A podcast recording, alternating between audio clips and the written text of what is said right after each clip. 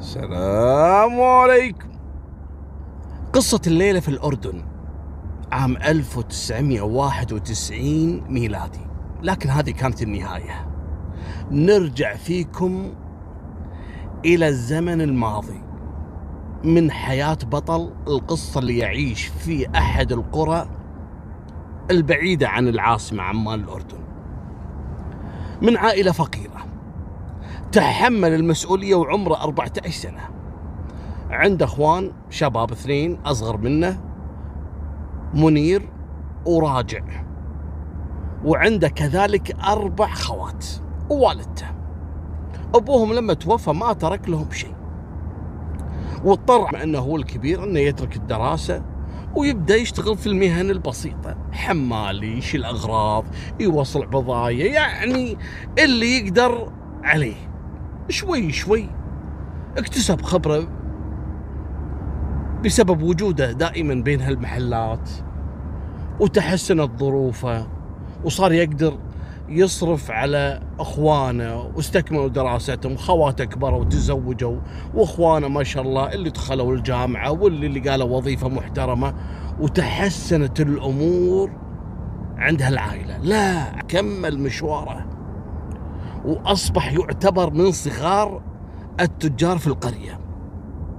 وفي ذاك الوقت اللي يملك سيولة يستطيع شراء أراضي بيوت مزارع كانت بأسعار مقبولة جدا. ومع بداية آه، التطور العمراني وأصبحت كل الأراضي المهجورة والبعيدة ضمن نطاق الإسكاني والاستثماري الله فتح عليه وصارت هل املاك الدر عليه مبالغ خيالية. تزوج من امرأة اسمها ربيعة. وكبر وهو حرفيا ربى أخوانه رغم أن الفارق العمري اللي بينه وبين أخوانه ما هو كبير إلا أنه تحمل مسؤولية تربيتهم حتى زواج خواته. كان على قدر من المسؤولية. المهم ما كان بالطويلة. اسمع الحاج عمر. ظهرت عنده مشكلة. أنه لا يمكن أن يحصل عنده خلفة عنده مشاكل صحية. لكن ما اقتنع في البداية. لأن ما كانت في أسباب واضحة يعني التشخيص المرضي. ما كان واضح عن الأسباب اللي كانت تمنع عبد الله أنه يكون عنده أولاد. فاضطر أنه يتزوج. على منو؟ على ربيعة. ربيعة زعلت. أو الحاجة ربيعة زعلت. لكن رجل مقتدر ويبي أولاد. ويحاول يحل مشكلته. فكانت تعذره يعني. كل مرة يتزوج كذلك تحصل نفس المشكلة. الزوجة ما تحمل. ولما يفحص يقولوا له أنت العيب منك لكن ما في شيء واضح. هذا أمر بيد رب العالمين. تحتاج إلى وقت تحتاج إلى علاجات. ممكن تحسن أو تقوي عندك موضوع الحيوانات المنوية وغيره. ولما تكتشف الزوجة الثانية اللي تزوجها تطلب الطلاق. طلق أول واحدة تزوج الثانية. طلق الثانية تزوج الثالثة. طلق الثالثة تزوج الرابعة. لما كان يتزوج كان يقول لهم أنا ما عندي مشكلة. أنا ما عندي أي آه، معضلة صحية تمنعني من الإنجاب. لكن هذا أمر معلق عند رب العالمين. ما يحصل. ليش؟ ما هذا هذا نصيبي. وبعد ما تقتنع البنت وتوافق على الزواج تكتشف بعد عدة أشهر أن فعلا الأمر أشبه بالاستحالة آه، وجود آه، حمل وكل بنت خصوصا إذا كان عمرها صغير في العمر تبي أولاد تبي تعيش حياتها حالها حال أي بنت ثانية فيطلبون الطلاق. بعد فترة حس باليأس خلاص أنا ما أبي أتزوج خلاص. أبي أنشغل في التجارة والله يعوضني خير و... والبركة في إخواني وعيالهم وأسرتي يعني المهم مرت عليه كم سنة إلى أن وصل عمره 55 سنة. يوم من الأيام ويجيبوا له طاري بنت اسمها صبحية. بنت عمرها 24 سنة. بس البنت تاخذ العقل من كثر ما يسولفون عنها النسوان وأهل القرية. تحمس الحاج عمر لموضوع الزواج مرة أخرى. وصار يكلم أقاربه وجماعته وكذا ويسأل عن البنت وشاف إنها من أسرة فقيرة جدا وممكن تقبل فيه والحاج عمر ما شاء الله يملك خير من رب العالمين. ولا يزال بصحته رغم أن في السنوات الأخيرة تعرض لمشاكل صحية مثل نوبات قلبية عنده وكذا لكن آه، يعيش طبيعي. وإلى الآن عنده أمل إنه يصبح عنده أولاد. فقال يمكن رب العالمين قاسمها لي يوم كلم إخوانه منير وراجع وطلب من زوجاتهم ان يسألوا له عن يسألون عن البنت صبحية. اخوانه اعترضوا. منير وراجع. قالوا له يا يا حاج عمر الله يخليك. خلاص. أنت كم واحدة تزوجتها؟ وطلقت وأنت رجال الحين ترى كبرت. وصحتك ترى يعني يا دوب أمراض وعمليات وخلاص. قال يا جماعة الدنيا هذه كلها ما تسوى بعيني دام إن أنا ما عندي خلفة. هالتعب اللي شقيت فيها أنا طول عمري وأجمع وحالتي حالة المنو مو لازم يكون عندي خلفة لازم أستانس بحياتي يعني بهالأولاد ليش تبون تحرمون؟ قالوا له ما نحرمك. لكن أنت عندك مشكلة في موضوع الإنجاب. وكل ما تتزوج تطلق ومشاكل وناس وهذول ياخذون منك وهذا ياخذ منك. أنت كافي حتى المهور اللي دفعتها والمصاريف اللي دفعتها هذه تغني أسر. خلاص يا أخي. أنت يعني هدفك موضوع الإنجاب ولا شيء ثاني؟ قال لا الإنجاب. قالوا يا أخي أنت عندك مشكلة روح عالج. يعني لو إن أنت بإمكانك إن يصير عندك أولاد؟ كان زوجتك اللي موجودة عندك؟ حملت قال لا هي زوجتي. زوجتي عمرها الحين خمسين سنة. قالوا له خلاص أنت يعني حاولت وما في. قال لا. في بنت وأنا أبيها اللي هي صبحية وأبيكم تشوفونها لي وأنا ما أعتقد إنه راح يرفضون و... يا ابن الحلال أرجوك غير رايك قال ابدا إلا أتزوجها. تبون تمشون معي ولا كيفكم؟ وهذا أخوهم الكبير. وهو اللي مربيهم وهو اللي معيشهم أو مو مقصر فيهم. قالوا له حاضر. الأمر رب العالمين إحنا ما نقدر نعترض نصحناك وكيفك. وفعلا راحوا واخطبوا له البنت. أسرة البنت وافقوا على طول خصوصا أن الحاج عمر هذا إنسان في قمة الاحترام والرقي صاحب أيادي بيضاء إنسان يساعد الناس وعنده خير من رب العالمين. وبعدين كم يبي يعيش؟ الحاج عمر. لأنهم يدرون فعلا أن هذا عنده مشاكل صحية يعني قلب ما قلب وعمره 55 وبنتهم 24 يعني تحمله كم سنة؟ وبعدين تعيش بأملاكه. اقنعوا البنت تزوجيه وهذه فرصتك و... وما راح تحصلين واحد ينتشلنا كلنا مو بس انت من الفقر الا الحاج عمر. وإنسان طيب يعني ما راح يظلمك. تحمليه يا بنتي. البنت لا أو لا والبنت يعني ما عندها طمع في موضوع الأموال أو مو ببالها ابدا. معترضة رافضة وانه أكبر مني قالوا لها ما يخالف وتحملي كم سنة. الرجال يعني فرصة فرصة. تأخذي لك واحد صغير و... و... ويعيشك المر. ما يقدر يصرف ما يقدر يفتح بيت ما يقدر كذا. البنت بعد مدة من التفكير وافقت. وفعلا تزوج الحاج عمر صبحية. وصار الحاج عمر يدلع صبحية من ذهب من أثاث من مشتريات هدايا. ما خلى عليها قاصر أبدا. خلاها ملكة فعلا. وبنفس الوقت صار يبتعد عن زوجته ربيعة.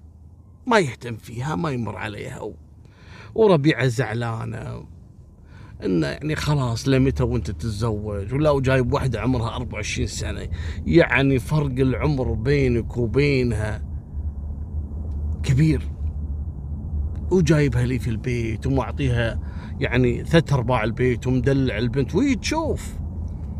وانها يعني هذه الحاجة ربيعة خلاص يعني. المسكينة صارت دائما تجلس في غرفتها ولا تطلع ولا تحتك فيهم. زعلت أول أشهر بعدين رضت لكنها أصبحت انطوائية دائما داخل الغرفة. ما تطلع ما ما تكلمهم ما تقعد وياهم. وتروح الأيام وتجي الأيام. شهر شهرين ثلاث. ما حصل موضوع الحمل. ست أشهر سنة. الحاج عمر شاف إن البنت متقبلة إنه ممكن يحصل عندهم أولاد ولا لا. يعني ما طلبت الطلاق مثل غيرها. ما اعترضت على الأمر كانت مبسوطة و... وتطلب. منها الهدايا وكان يعوضها عن النقص اللي فيه بالفلوس. ودام انها مبسوطة وهو مبسوط ما عنده مشكلة. وتمر سنة. الحاجة ربيعة. صارت تفكر بينه وبين نفسها أنا لمتى جالسة داخل الغرفة وانطوائية ولا أطلع ولا أروح ومكتئبة وحزينة وهذه الفرفورة تلعب في البيت لعب وفلوس وهدايا و... الحاجة ربيعة عمرها ما طلبت الطلاق لأن أصلا ما عندها أحد أهلها من الناس اللي عايشين في البادية وراحت فيهم الدنيا و... ولا عندها ملجأ غير زوجها يعني. ف قالت خلاص خليني أعيش يعني باقي عمري يعني طبيعي خلاص يعني بجبرة.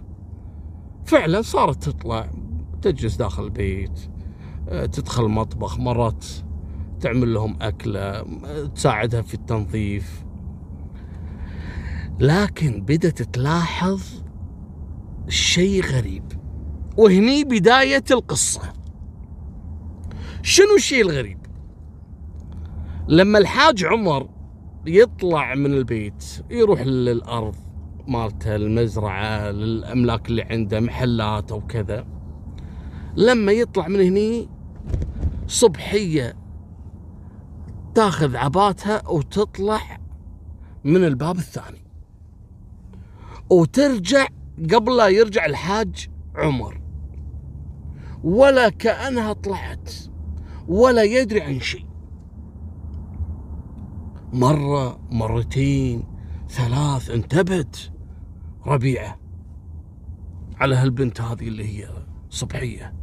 هذه وين تروح وليش تتخشش وتطلع بكل سرية وهدوء وبدون ما حد ينتبه عليها؟ هي بالمصادفة يعني انتبهت. ومعاها في نفس البيت. ولأن صبحية كانت ماخذة راحتها. لأن ربيع هذه كانت آه، جالسة في الغرفة 24 ساعة وانطوائية وصاكة فيها الدنيا. فهذيك صارت تلعب. والحاج عمر رجال على قده على صحته يعني يا دوب يوصل المحل يقعد هناك يرتاح يقعد له أربع خمس ساعات ست ساعات ويرجع. لا الأمر تطور أكثر. ربيعه صارت تشوف رجل يدخل البيت متخفي إلى غرفة صبحية ويجلس بالساعات ويطلع. ولا أحد ينتبه عليه. صارت تراقبها بشكل دقيق تأكدت فعلا ويوم من الأيام بعد ما دخل عندها صارت تراقبهم من شق الباب من فتحة الباب طالع وتبي تشوف إيش اللي قاعد يحصل داخل الغرفة. شافت المصيبة. المصيبة في العلاقة العاطفية بين هذا الرجل وبين صبحية. شاب في مقتبل العمر عمره 25 26 سنة.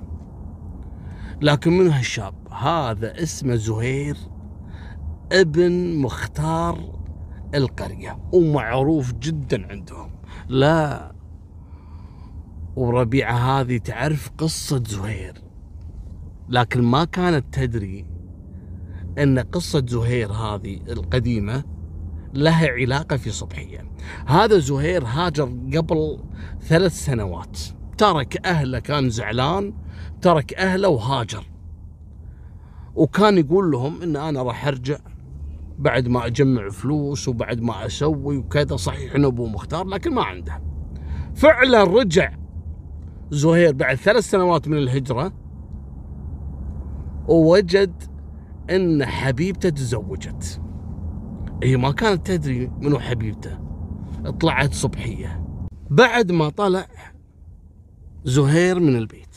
راحت ربيعة إلى صبحية. قالت لها اسمعيني صحيح إحنا ضراير. وصحيح إنك الزوجة الثانية. ودائما بين الزوجات مشاكل و... ومكائد. وكل وحدة تحاول ان تدمر الثانية. إلا من رحم يعني. لكن أنا مو من هالنوع. لا والله. أنا والله ناصحة لك لوجه الله. اللي قاعد تسوينه هذا غلط. قالت له شنو اللي أنا قاعد أسويه؟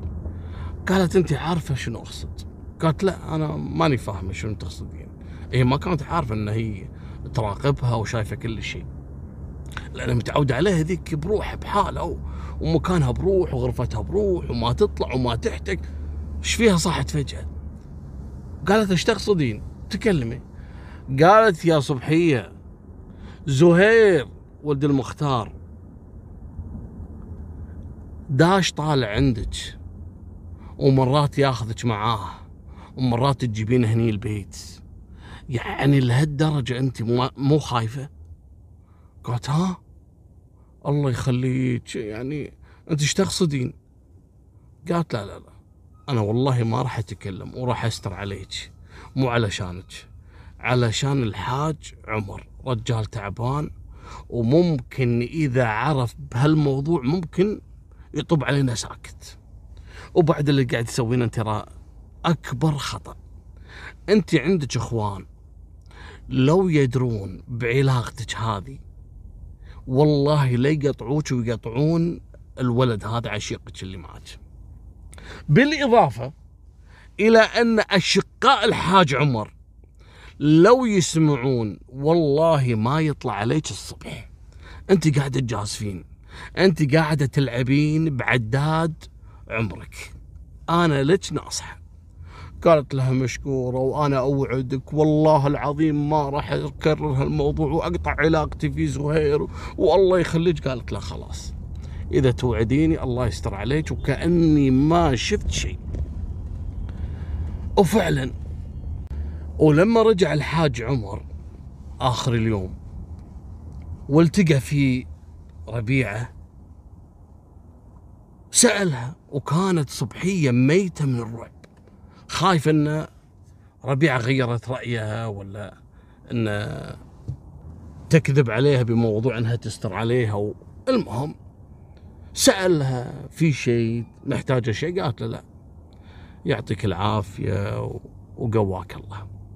انبسطت صبحية. راح الحاج عمر للغزغوز ماله صبحية. وأول ما دخل عندها في الغرفة صارت صبحية تبكي وتصرخ وتلطم. قالت خليني أتغدى فيها قبل لا تتعشى فيني. يعني خليني أتهمها قبل لا تتهمني. وعلشان إذا رجعت تتكلم راح يعتقد أن هذا مجرد ردة فعل لأن اتهمتها تبي تتهمها هي كذلك. فقالت خليني أنا أبدأ في الموضوع. ومسكينة ربيعة كانت مصدقة أن هذه خلاص تابت وأنها ما راح تكرر؟ ما درت أنها أصلا قاعدة تتعامل مع أحقر فتاة. إيش سوت صبحية صارت تلطم وتبكي والحق يا حاج عمر. زوجتك هذه طلعت حية من تحت تبن. قالها ليش؟ قالت أنت تدري أنها تلتقي في رجل في داخل بيتك وعلى فراشك انجن الحاج عمر. إيش قاعد تقولين أنت؟ قالت إي نعم. ولا وأنا تجسست عليهم خوفا على شرفك وعرضك وسمعتهم بإذني يتآمرون على قتلك. تبي تقتلك علشان تورث كل اللي تملكه. أو ينجن الحاج عمر. أيا حقيرة. وصار شنو؟ يسترجع بعض الحركات. وإن هذه كانت فترة فعلا انطوائية وداخل الغرفة فجأة صارت تطلع وتحتك فيه. قالوا والله ممكن. ممكن. سكوته هذا كان سكوت مريب. على طول صدق كلام صبحية ويروح إلى ربيعة ويضربها ضرب ويا حقيرة يا خاينة يلي فيك وما فيك. المهم ويطردها برا البيت. قالها روحي لأهلك وورقة طلاقك توصلك لأهلك. المسكينة تبي تتكلم ما هي ماخذة فرصة بس آه، تنفس. على طول داهمها بالضرب والسب واللعن وانصدمت من حقارة صبحية. كان في بينهم اتفاق إنها تستر عليها. شلون تتهمها زور وش الجرأة اللي عندها وشلون متأكدة إن الحاج عمر راح يصدقها؟ هذيك لعبة في لعب. أقول لكم غزغوز وصغير. والحاج عمر قلبه خضر لكن قلبه يعوره. وخضر. والله الله يلوم اللي يلوم المسكين. صدق. وأنتم عارفين المرأة إذا بدت بالمكيدة. يا ساتر يا ساتر يا ساتر. تلعب فيك لعب.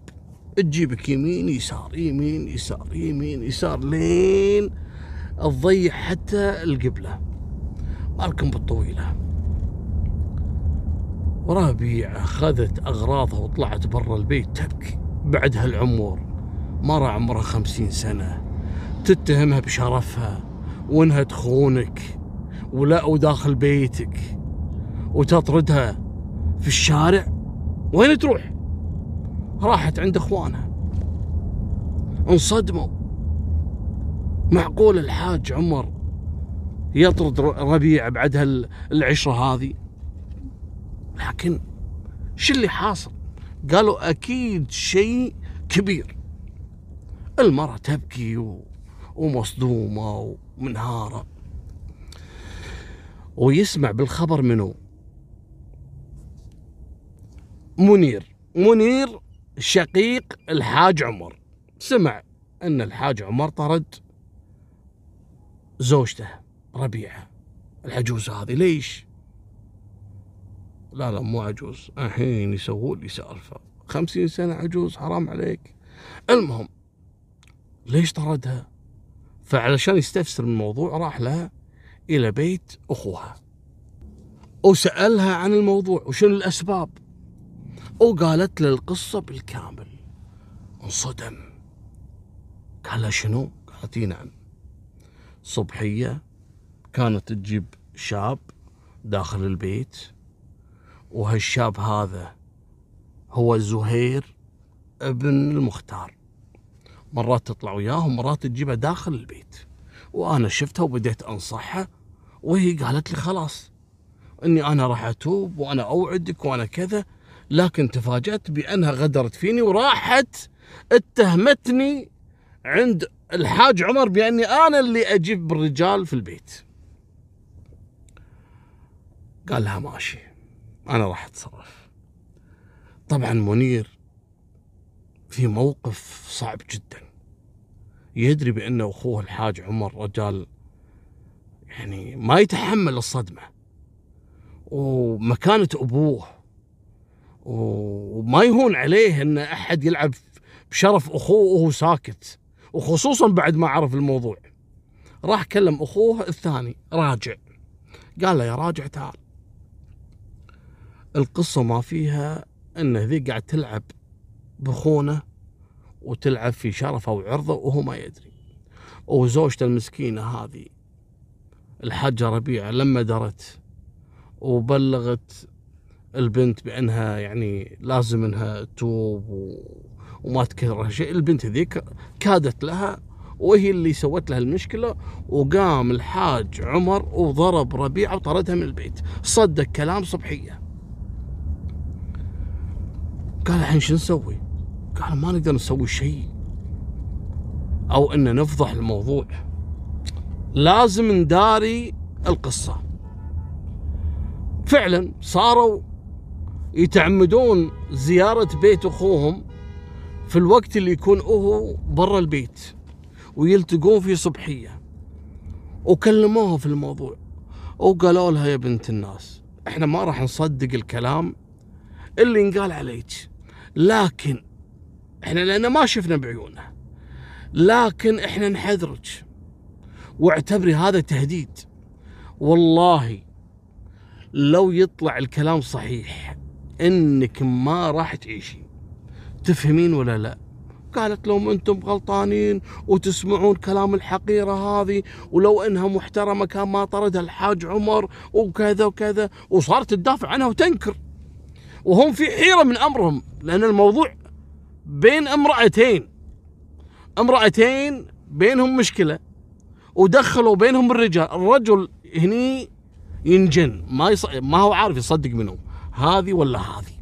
لأن كل واحدة تلقى عندها حجة أقوى من الثانية. بصراحة الرجل دائما ينجن أو يستخف إذا دخل في صلح بين امرأتين. فدائما حاول أنك تسحب نفسك من المشاجرة النسائية لأنك مستحيل تحل المشكلة بينهم. فهم شنو؟ احتياطا خايفين على موضوع أخوهم. قالوا لا شوفي على العموم انتبه على نفسك. وإحنا ترى راح نراقب بيت أخونا. وهذا ما هو بيت فقط أخونا لا هذا يعتبر أبونا وهو راس العائلة وهو كذا ومستحيل نسمح لك أنت ولا حتى ربيعة أن تشوه سمعة عائلتنا. قالت لهم ماشي. فصارت شو تسوي؟ صبحية تلاعب منير وراجع. مرة تلتقي في زهير وعشرة لا. مرات هي اللي تروح له مرات تجيبه عندها بعد. يعني صارت تلاعبهم بالخش والدس وحركات يعني لكنها مستمرة في الموضوع. راحت الأيام وجت الأيام. وربيعة زعلانة في بيت أخوها ولا هي راضية ترجع. خلاص كرهت العيشة مع الحاج عمر. وهذا كان خل تولي الحقيرة اللي تتآمر علي اللي تبي تختني اللي تبي تأخذ أموالي اللي كذا. حاسدتني لأني متزوج بنت صغيرة وأحلى منها وعندي خير و... والرجل تعرفون إذا كبر يصير عنده هواجس وعنده مخاوف من كثير أمور مستقبلية. وهذه جت على الوتر. المهم مالكم بالطويله راحت الأيام وجدت الأيام. أثناء وجود الحاج عمر في أحد المحلات اللي يملكها شعر بألم شديد جدا في صدره. كان مرهق نفسه في العمل. فقرر يرجع البيت يرتاح. على غير العادة أول مرة يرجع فيها الوقت المبكر يعني. أو يدخل البيت ويشعر أنه في شيء غريب في أصوات صادرة من غرفة النوم. يوم فتح الباب ويشوف هالمنظر. اللي أصابه بنوبة قلبية. شاف زوجته؟ صبحية مع زهير. الحقيرة هذه ما توب ويمسك هالمسكين صدره ويطيح على الأرض. ما تحمل الموقف. زهير يوم شاف آه، الحاج عمر على طول أخذ ملابسه وهرب. لكن صبحية إيش سوت؟ الحقيرة انتظرت وهي طالع في الحاج عمر. وهو طايح الأرض وحاط إيده على صدره. تنتظر تنتظر مدة وبعدين أطلقت صرخات الاستغاثة. الحقوا علي زوجي راح يموت. وك... هي طبعا ليش ما طلبت للنجدة على طول؟ قالت خلنا أعطيه وقت يكون استوى خلاص. ما في أمل إنه حتى يلحقون يسووا له إسعافات. خليه يموت وأخلص منه. انتظرت فعلا وهو طايح على الأرض داخل في نوبة يعني. خلاص ما هو مستوعب اللي يحصل حواليه. الله يكفينا شر الأمراض هذه. وطلعت في الشارع الحقوا الله يخليكم يا ناس يا جيراني يا كذا وياخذون الحاج عمر ويطيرون فيه للمستشفى. والله يكتب له عمر. نجا من هالنوبة رغم توقف القلب أكثر من مرة. لكن الآن مصاب بجلطة شلت حركته فلازم ما يتحرك من السرير. اخوانه سمعوا بأن أخوهم دخل المستشفى. والناس طبعا ولا أحد عرف ليش وشنو صاير معاه يعني. أخوانه طاروا المستشفى منير وراجع. لقوا أخوهم طايح على السرير وحالته صعبة وصوت خافت. شو يقول لهم؟ يقول الخاينة بالخاينة بالخاينة. هم على طول عرفوا القصة. هم أصلا عارفين الموضوع. ومكلمينه ومهددين عرفوا أخوهم أصيب بنوبة الظاهر من شدة الزعل أو الصدمة لأنه اكتشف أن زوجته خاينة. هو يقول خاينة خاينة. قالوا بس اطلعوا من عنده ويطيرون إلى بيت الحاج عمر إلى صبحية ويمسكونها.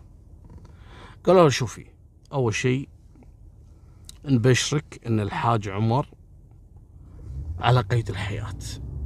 وأكيد أنت ورا هالمصيبة هذه. صارت البنت تبكي والله يخليكم ودخيلكم قالوا اسمعي. زهير تجيبينه لنا.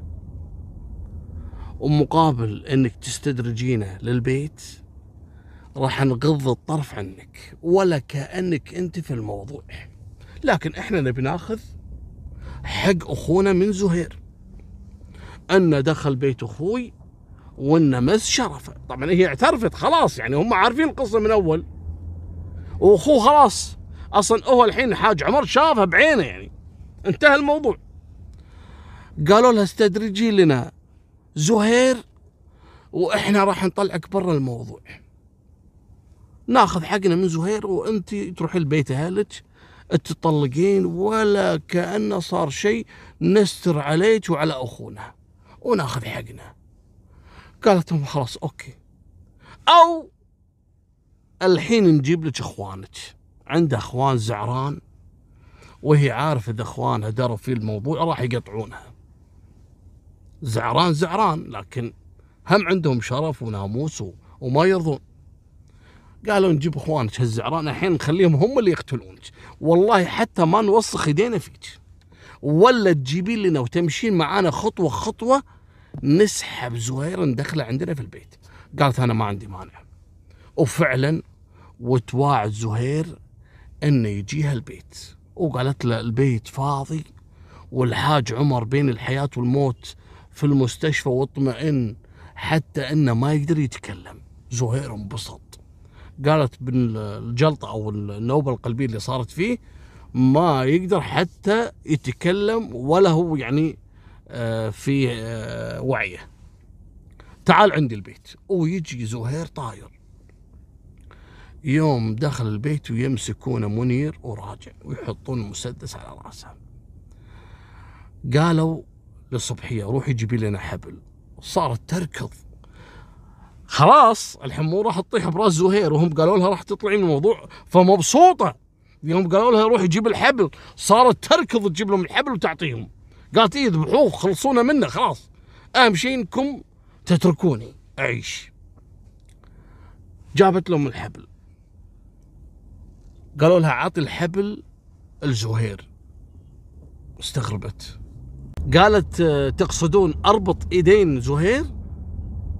قالوا لها لا لا عطي الحبل الزهير.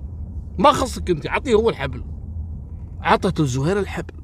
زهير طبعا المسدس على راسه. زهير مستغرب أخذ الحبل. قالوا لزهير لف الحبل على رقبة صبحية. اقتلها اشنقها اخنقها علشان لا نقتلك. زهير طار من الفرحة. قالوا له اقتلها راح نتركك. ويهجم زهير على صبحية ويلف الحبل على رقبتها. خلاص احسن ما يموت. ويخنق ويشد يشد يشد على رقبتها وهي تصرخ تصرخ لحد ما ماتت. صار حتى زهير يضحك. ما هو مصدق يعني اللي صار معاه يعني وإنهم خلاص يعني آه، راح يعني يطلع من الموضوع وما راح يقتلونه وإنه قتل لهم صبحية ويضحك يبتسم من الخرع اللي فيه. ويلتفت منير على زهير ويحط المسدس بين عيونه ويطلق عليه النار. ما تركوه لين فرغوا جميع الرصاصات في رأسه. اتركوا الجثتين في مكانهم وسكروا الباب وطلعوا. ولا كأنه صار شيء. المهم يوم يومين بدت رائحة الجثث والجيران تشتكي وبلغوا رجال الأمن ولأنهم ضربوا الباب أكثر من مرة ما طلعت زوجة الحاج عمر اللي هي الجديدة هذه صبحية وجو الأمن وعرفوا أن الحاج عمر في المستشفى وزوجته الوحيدة ويحاولون يضربون الباب ما تفتح. أكسروا الباب ولا يشوفون هالجثتين واحدة مخنوقة والحبل لا يزال حوالين رقبتها والثاني رأسه مفجر من كثرة الرصاصات اللي تم إطلاقها عليه على رأسه. رفعوا الجثتين وشالوا البصمات وصوروا الموقع وصاروا يستدعون كل الأشخاص المقربين لزهير ابن المختار حتى المختار نفسه. وكذلك صبحية صبحية المشتبه الرئيسي الآن عندهم منو؟ أشقائها. لأن قالوا أكيد أشقائها قتلوها لها علاقة في زهير. زوجها ما هو موجود في البيت. والظاهر إخوانها دروا ولا كذا وإخوانها أصلا عندهم سجل حافل بالمشاكل يعني ضرب وزعرنه عندهم ويلقون القبض عليهم. الإخوان يقولون والله ما إحنا اللي قاتلينها. البصمات فعلا ما لهم بصمة في البيت. زين صاروا يستدعون المختار وأقارب المختار وولدك ويمكن أنت قتلته لأنه يعني آه سود وجهك ولا انه ارتكب. قال والله ما أدري عنه. وأنا متبري منه ليوم الدين. أنا حتى راح أتنازل عن دمه. هذا واطي وحقير وشلون يدخل على بيت امرأة متزوجة ومن هالكلام. المختار تبرى من ولده. استجوبوا واستجوبوا الحين الحاج عمر اللي هو زوجها موجود داخل المستشفى. منو اللي قتلها؟ كانوا مستبعدين أشقاء الزوج. مستبعدين.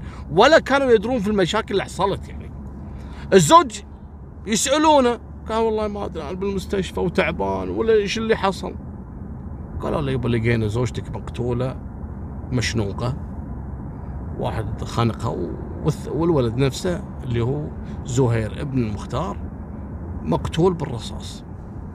لا حول ولا قوة إلا بالله. حسبي الله ونعم الوكيل. حتى إنه رفض إنه يستلم الجثة أو إنه يسوي لها عزاء وهلها تبروا منها؟